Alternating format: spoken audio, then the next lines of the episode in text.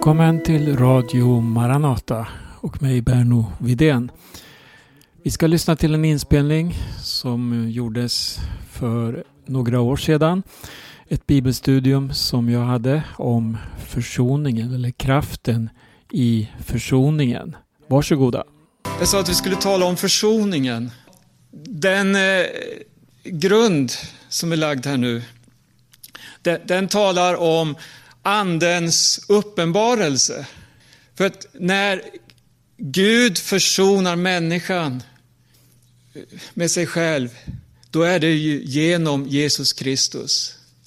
Och, och det, det, är ett, ett Andens verk, alltså Guds, som sänder sin son Jesus. Och under en period så vet vi att Jesus han vandrade här på jorden. Han fanns med sina lärjungar, en speciellt utvald skara. Och Det var ju en begränsad tid då man hade Jesus vid sin sida och som sin mästare som, ja, som lärde sina lärjungar då hur de skulle leva, hur de skulle tjäna och så vidare. Men Jesus han eh, skulle inte finnas hos dem på det sättet för alltid. Och han började tala om sin död. Att han skulle gå bort. Men i Johannes då så kan vi på ett speciellt sätt läsa om hur Jesus han, han säger också att det är bra att jag går bort för att då ska ni få en hjälpare. Och denne hjälpare ska för alltid, hör, alltid vara hos er. Han ska inte lämna er.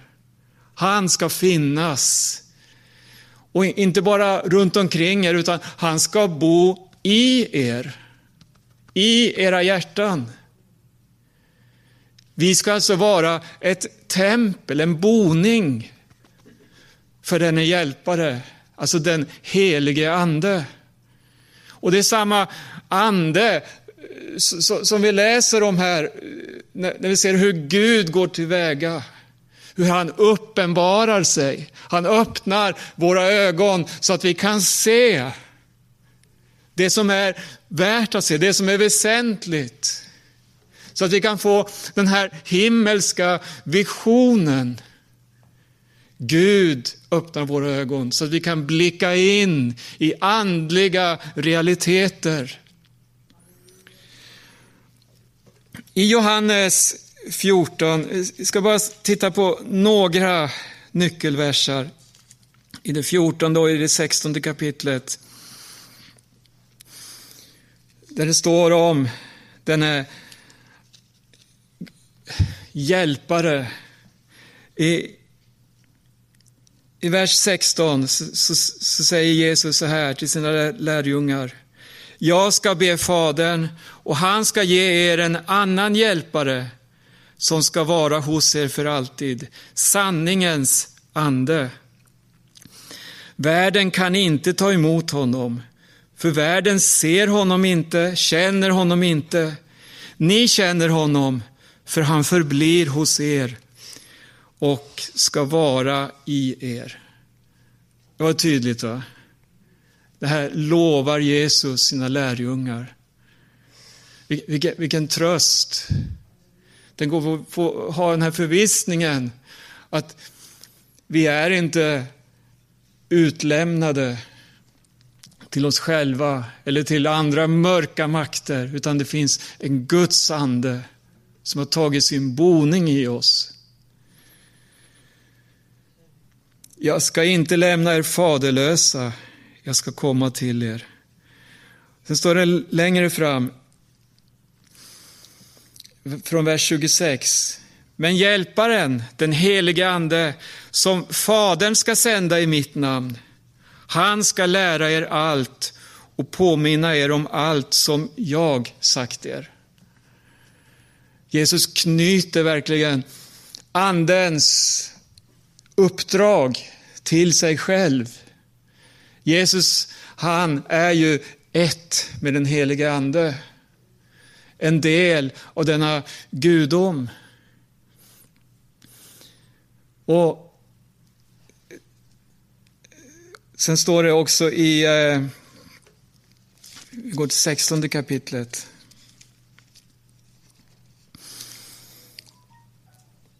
Åttonde versen, så här. När han kommer ska han överbevisa världen om synd och rättfärdighet och dom. Det här är viktigt. Den heliga Ande ska överbevisa. Det är inte vi som ska överbevisa världen om synden. Det finns något som den heliga Ande gör på ett väldigt träffsäkert sätt. När en människa får möta det budskapet från en andefylld kristen, från dig, då kommer den här medvetenheten om att jag är en syndare. Jag är orättfärdig och dömd. Kära Gud. Och, och vers 14 också tar vi. Här säger Jesus så här. Han ska förhärliga mig. För han ska ta av det som är mitt och förkunna för er. Halleluja. Se till att vara fylld av den heliga Ande.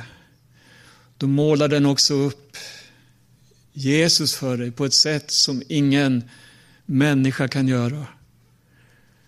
Som inga studier kan göra utan det handlar om ett liv. Nu eh, ska vi gå vidare. För att vi ska, vi ska gå in mot det här mest centrala då i, i budskapet som har att göra med försoningen. Vi läste i Uppenbarelseboken, det fjärde kapitlet. Och sen har vi Eh, kapitlet som följer. För, för, först såg vi hur alla lägger ner sina kronor inför tronen och lovar Gud. Man tillbeder honom som sitter där. Men i femte kapitlet så ser vi hur han som sitter på tronen då med en bokrulle som har som är förseglad med sju sigill. Och så kommer frågan, vem är värdig att öppna bokrullen? Och då visar det sig att ingen i himlen eller på jorden eller under jorden kunde öppna bokrullen och se in i den. Och det här tog väldigt hårt på Johannes. Han började gråta över att det inte fanns någon men så får han det här budskapet, gråt inte i femte versen. Se, lejonet av Judas stam, Davids rotskott har segrat. Här har vi lejonet igen. Han kan öppna bokrullen och dess sju sigill. På vad sätt, vad är det för skillnad vi möter här? Vad är det som gör att han kan öppna bokrullen? Jo, svaret kommer. Jag såg i mitten mellan tronen och de fyra varelserna och det äldste stod ett lamm som såg ut att ha blivit slaktat. Det hade sju horn och sju ögon som är Guds sju andar utsända över hela jorden. Och lammet gick fram och tog bokrullen ur högra handen på honom som satt på tronen. Kär, det, här, det, här var, det här var något väldigt, väldigt speciellt. Här, här har vi själva essensen, själva hjärtat i hela himlen, i hela Guds värld. Lammet som hade blivit slaktat. Det som gör att Det som fattades i himlen, det fanns nu där genom det slaktade Guds lamm. Genom lammet och det, som det står i verserna längre fram, vers 9 och framåt. De sjöng en ny sång. Du är värdig att ta bokrullen och bryta dess sigill, för du har blivit slaktad. Och med ditt blod har du friköpt människor åt Gud av alla stammar och språk och länder och folk. Du har gjort dem till ett kungarike och till präster åt vår Gud och de ska regera på jorden. Kör Jesus. Vi möter här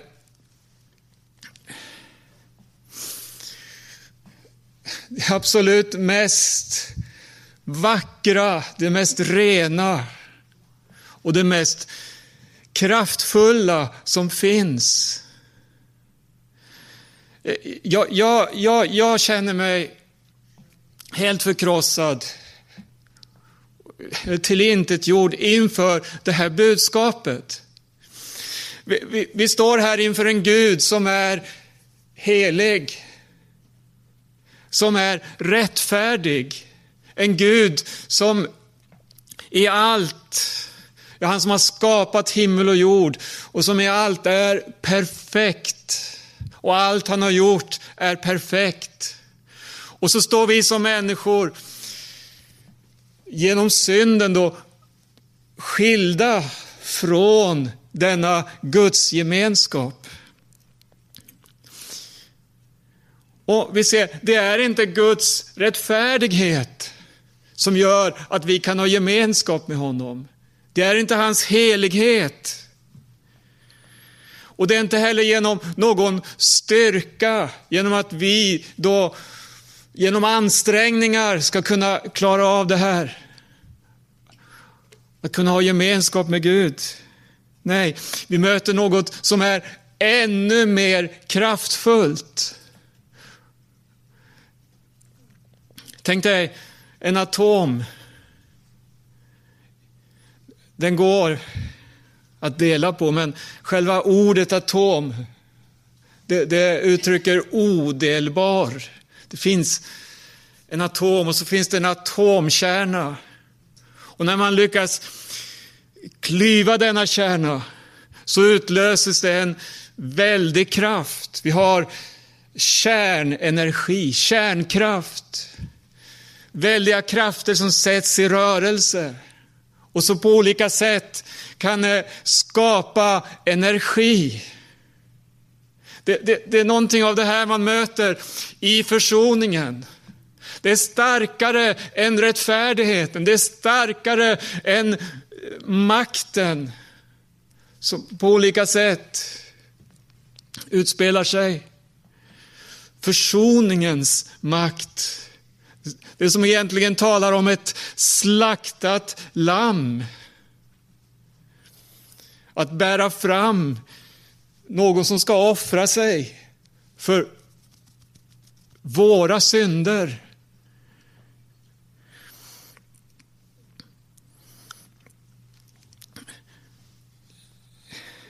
Det, det, det här budskapet, det, det, vi, vi, vi, vi, vi är väldigt hemma i det här. Vi påminner varandra ofta om att vi är försonade med Gud.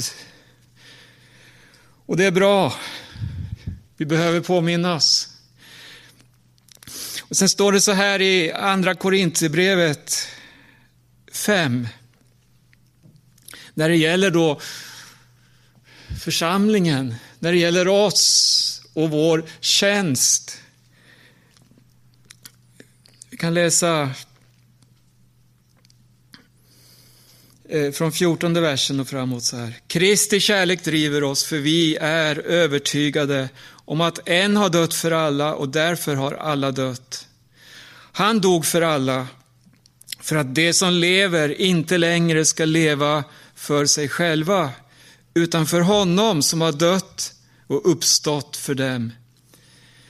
Därför känner vi inte längre någon på ett ytligt sätt, även om vi har känt Kristus på ett ytligt sätt känner vi honom inte så längre. Om någon är i Kristus är han alltså en ny skapelse. Det gamla är förgånget, eller förbi står det här. Något nytt har kommit. Och allt kommer från Gud som har försonat oss med sig själv genom Kristus. Och hör här, och så har han gett oss försoningens tjänst. Han har inte bara försonat oss, utan han har gett oss en tjänst, eller ett ämbete. Förs, vad, vad, vad, innebär det, detta försoningens ämbete? Vers 19. Gud var i Kristus och försonade världen med sig själv. Han tillräknade inte människorna deras överträdelser. Och han har anförtrott, förlåt, anförtrott oss, alltså gett till oss försoningens ord. Vi är alltså sändebud för Kristus. Och Gud vädjar genom oss, skriver Paulus här. Gud vädjar genom församlingen. Vi har ett ämbete, vi har en funktion som inte bygger på demokratier, politiska manifest eller eh, olika kulturer och traditioner. Nej, den bygger på Kristi försoning. Det slaktade lammet. Halleluja. Gud vädjar genom oss. Vi ber på Kristi uppdrag. Låt försona er med Gud. Kära Jesus. Jag ska ta en bild, bara eh, för, för, för att se på kraften som finns i, i försoningen, eller i, i det som ingenting var här i tiden. Det som ingenting är. Det som är förkastat av den här mänskligheten. Jesus var det ingen som ville veta av, kan vi läsa om. Han fann ingen plats. Han kom till sina egna. Hans egna tog inte emot honom. Han blev förd bort, dödad. Och så har också varit lotten för många av hans lärjungar. Men det finns en sådd som är kraftigare än, om vi ska använda de här uttrycken, rättvisa, hämnd och så vidare. Eh, jag tror vi alla här känner till folkmorden som var i, i Rwanda på, i mitten på 90-talet, 94, 95. Det var ett oerhört hat mellan de olika folkgrupperna. Hutuer och, vad heter de? Tutsier, ja. Man räknar upp till ja, en miljon tutsier som som blev slaktade under de här folkmorden. Och det, det var de mest grymma händelser. Det, det, finns vittnesbörd. Jag läste en kvinna exempelvis. Hon, hon blev svårt sargad av en sån här djungelkniv, machetes. Och lämnad i floden för att dö. Hon överlevde. Hela hennes familj eh, dödades inför hennes ögon. Barn, vuxna, alla. Och, eh, men hon överlevde. Och sen, sen eh, så tog ju den här, det här folkmordet slut och det blev en uppgörelse Eh, och, och, men då, då hände det någonting i, i, i Rwanda. Att eh, jag tänker, jag då som en vanlig människa, om jag skulle drabbas på det här sättet av det här, det här oerhörda hatet och våldet. Och, och sen då möta förövaren. Då, då, känner man ju det här att man skulle vilja bestraffa, döda. Alltså, när man ser den här ondskan. Det, det är så vi människor tänker. Det finns dödsstraff, det finns olika straff som man kan dömas till genom domstolar och så. Eller genom hämndaktioner. För att man vill ha rättvisa. Och det, det, det är det vanligaste tillvägagångssättet. Men här i Rwanda så, så gick man tillväga på ett helt annat sätt. Man eh, lyfte fram, man, man eh, fick ett tag på alla de här förövarna, eller många av dem. Och så lyfte man fram dem. Så kom offren. Och så började man tala om förlåtelse, om försoning. Och den här kvinnan som jag nämnde om, hon träffade den man som hade sargat henne, som hade slängt henne i floden, som hade dödat hennes familj. Hon stod där, öga mot öga. Och så, så kom det till en för, förlåtelseprocess. Idag lever de sida vid sida tillsammans. Det, det, här, det här är helt otroligt. Så, som människa, att tänka att hur kan det fungera? Det, vi läser om nationerna i Afrika. Så finns det mycket fattigdom. Rwanda stod på ruinens brant. Det var ekonomisk eh, kollaps eh, under den tid då folkmorden eh, ägde rum. Och likadant för flera länder där. Men då man, då man gick den här försoningens väg så kan man se sen hur, hur det här liksom tog ett grepp över hela landet. Människor började eh, reagera på, an, på ett annorlunda sätt än det man var van vid. Och landet började blomstra. Det blev en ekonomisk tillväxt i Rwanda som eh, blev modell för alla andra länder. Man, kan läsa rapporter från olika såna här ekonomiska tidskrifter om hur Rwanda reste sig upp på ett mirakulöst sätt från sin ekonomiska misär. Och hur var det möjligt med allt detta hat och all denna bitterhet som fanns? Svaret har vi ju i evangelium. Det finns en kraft som inte bygger på att rättvisa ska eh, skipas, utan den bygger på att vi är försonade. Och den kraften som finns i försoningen, den skapar nya människor. Det skapar ett nytt sätt att tänka. Och här har vi kärnan i evangelium. Gud, han ser inte på dig som en eh, rättfärdig människa eller eh, som en eh, förbrytare.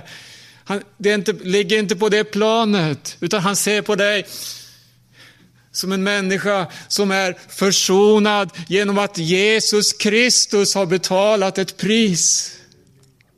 Och så säger Bibeln, var försoningens budbärare. Bär vidare detta budskap så att människor får möta försoningen i Jesus Kristus. Det, det, är det som kan befria från bitterhet, från hat. Kräv inte den här rättvisan. Nej, då når ingen av oss fram. Utan gör som Paulus skriver här. Vi ber på Kristi uppdrag, låt försona er med Gud. Och, och, och här ser, möter vi förlängningen då. Vi blir försonade med honom och på samma sätt får vi förlåta varandra. Käre Jesus. Jag ska avsluta med Romarbrevet 5.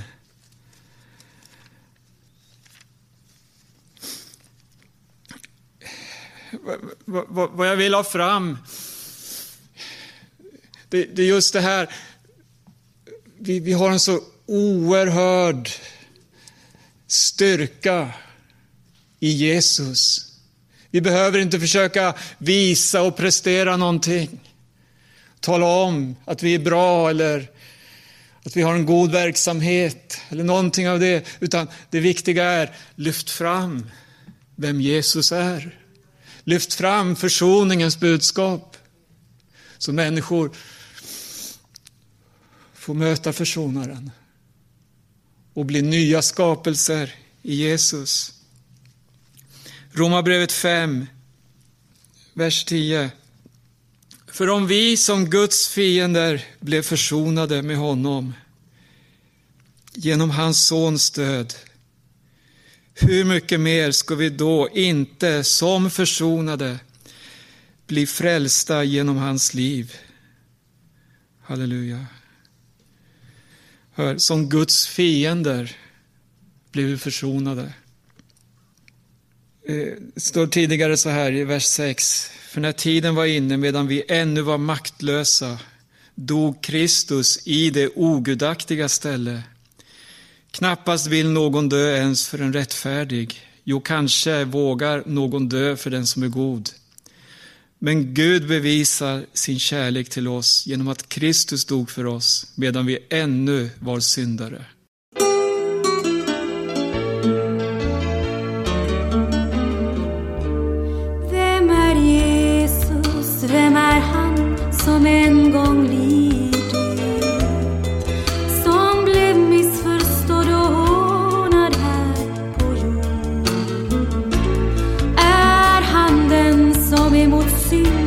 Och djävul stridit?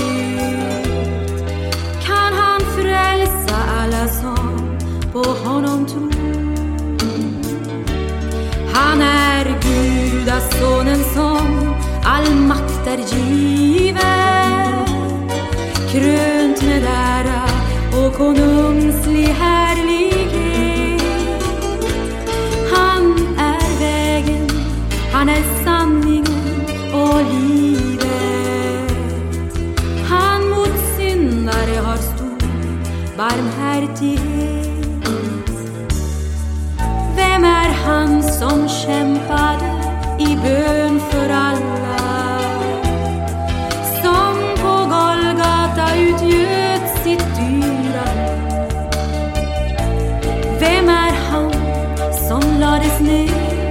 graven kalla?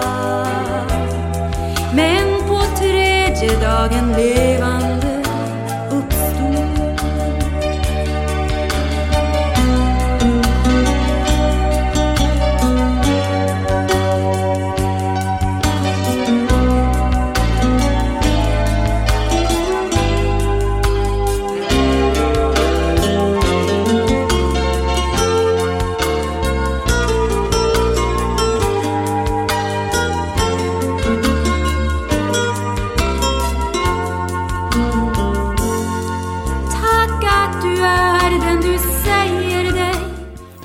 lyssnar till ett program från Radio Maranata.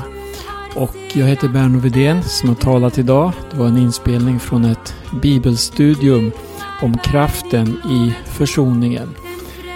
Vi tackar för oss för den här gången önskar alla lyssnare Guds rika välsignelse på återhörande.